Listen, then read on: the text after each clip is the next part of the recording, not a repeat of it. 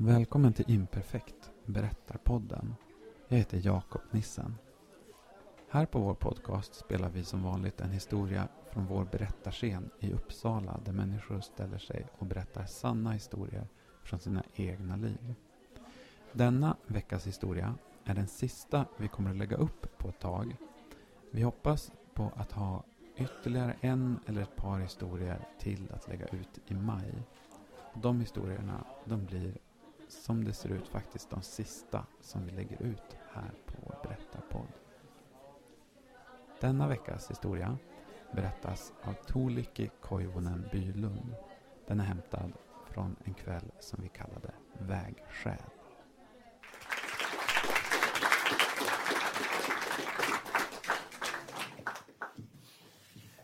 Jag tror att det var fem år sedan han dog. Jag tror att den tiden stoppade man dem i en svart sopsäck först innan man la dem i kistan. Jag hade inte tänkt på det på länge. Men jag såg honom. Jag såg honom i en jättestor lokal under Sofia kyrkan. En sån här skyddsrum som var vitmålad.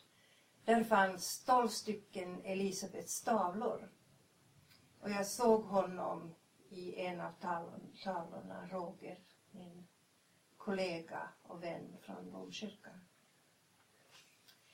Egentligen föreställde de här figurerna Jesus. Jesus bland homosexuella och transvestiter. Men jag såg Roger i en bild där Jesus bar sitt kors, var omgiven, omgiven av kvinnorna som alla hade mist sina söner. Och vännen stod där med handen full av olika färgade tabletter. Det var dags ransonen för en ah, aids-sjuk den tiden. Jag blev otroligt tagen av, av de här tavlorna. Jag tyckte att det var ett fantastiskt budskap Elisabet hade. Hur Jesus älskade de som var mest föraktade homosexuella och transvestiter och var med dem i de olika bilderna. Det var pedagogen Susanne Sedelöv, domkyrkokaplanen Markus Holmberg och hans minderårige son Kristoffer som satt i en vagn som hade åkt till Stockholm och såg de här bilderna. Och jag sa det måste vi också visa i Uppsala så att Uppsala-publiken ska se hur fantastiskt det är när Gud kommer ner till jorden och älskar de mest föraktade. Men jag hade ju klena kontakter med, med gallerior i Uppsala. Klena, jag hade inga kontakter överhuvudtaget. Men då kom jag ju på att jag är ju domprost. Jag är en stor chef i domkyrkoförsamlingen. Jag bestämmer över domkyrkan. Och då kom vi allihopa fram till det att de bilderna skulle visa, visas då när kulturnatten kom i augusti 1998 Det var länge sedan. Alla här var inte ens födda.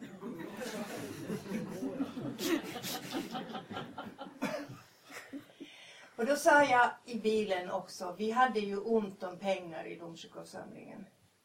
Jag sa, jag tror att vi måste nog kosta på en annons. För om det, det är ju pinsamt inför Elisabet om det är ingen som kommer. Det kom 8000. Och alla fick inte plats ens en gång.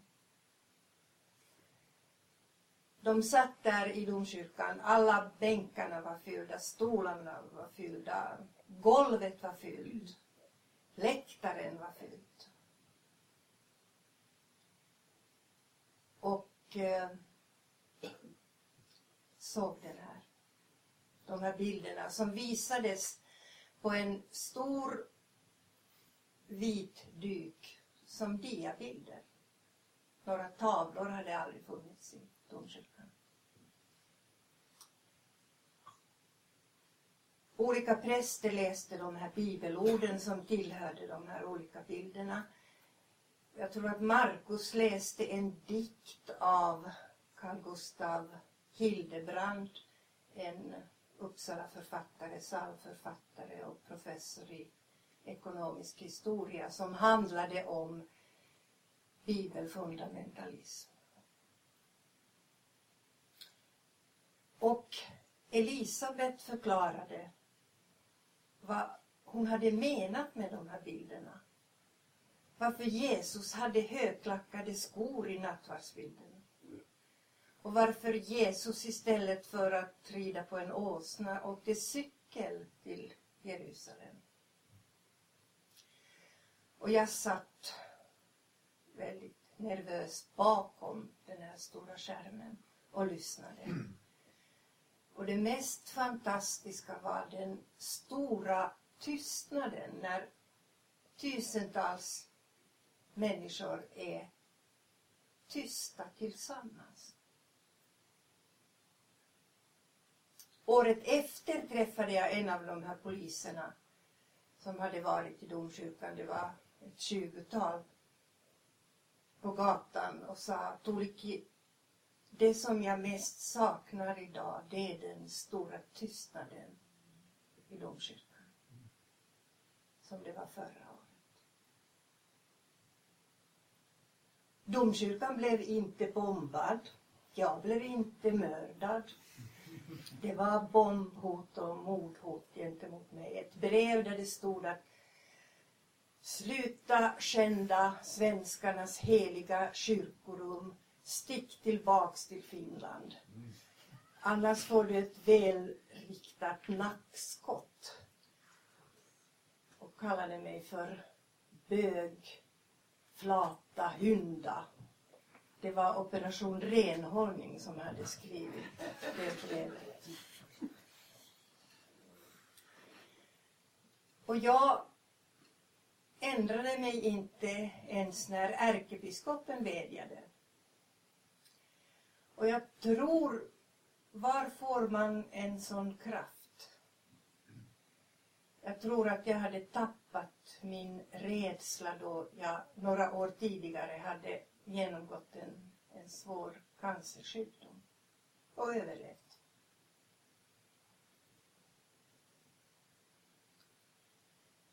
Man kan fråga sig, när det ordnades olika tillställningar med, med, av den här kristna ekumeniska gruppen för homosexuella, så det var ju inga folk som kom dit. Det var ju närmast sörjande bara. Kan man fråga sig varför det här fick så... Varför det blev så stort.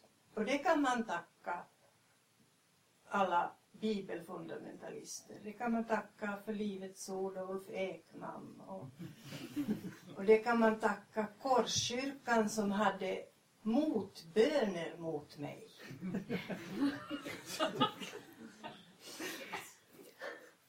Men man kan säga att, att pressen och massmedia var inte i första hand intresserad av att uh, varken religion eller homosexualitet för de ville se blod.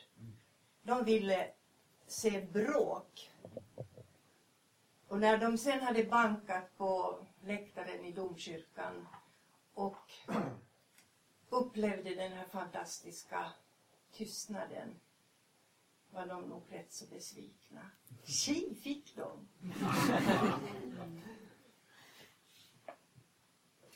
Man kan säga att även om det stod väldigt mycket om aggressioner och bråk i tidningarna så, så är det flera personer som återvände till Svenska kyrkan som hade tidigare tagit avstånd.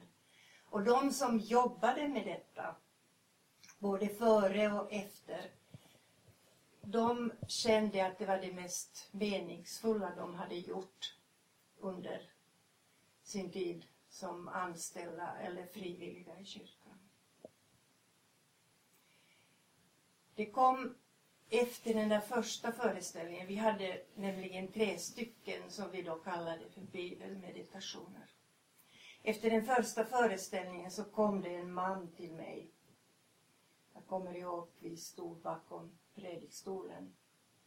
Han hade käpp, han var mager, svårt att gå, hade hemska fläckar i ansiktet.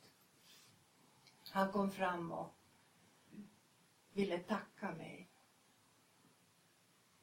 Han sa att det var det bästa som han hade varit med om i sitt liv. Han hade åkt från Stockholm till Uppsala. Och då kan man fråga sig varför? Varför var detta så, så märkvärdigt? Det förstod jag inte då, men, men jag har fattat det efteråt att när man ger de personerna som är föraktade, förtryckta,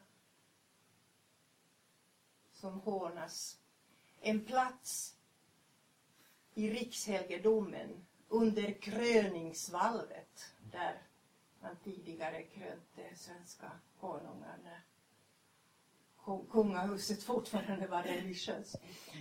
Och att ge den platsen, att man då får de homosexuella och deras vardag komma in i den bibliska berättelsen. Att man tar den platsen som några andra hade reserverat åt sig själva. Att man blir en del av en historia. Det är otroligt viktigt.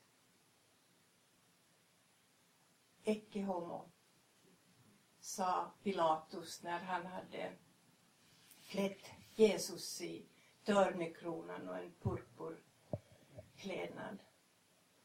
Ecce homo, se människan. Amen.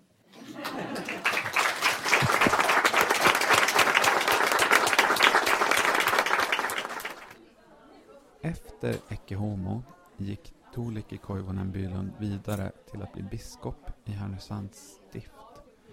Idag är hon glad pensionär och vill du som lyssnar ha mer av henne kan du gå in på hennes blogg. Den finns på adressen tolikismemoarer.wordpress.com Imperfekt berättarscen och berättarpodd görs av Julia Westerdahl och mig, Jakob Nissen. Vi är tillbaka på scen för allra sista gången onsdag den 11 maj på Drottninggatans bokhandel i Uppsala. Klockan 19 är tiden. I maj hoppas vi också på att återkomma med ett par sista avsnitt av podcasten. Så länge säger vi tack för att du lyssnade.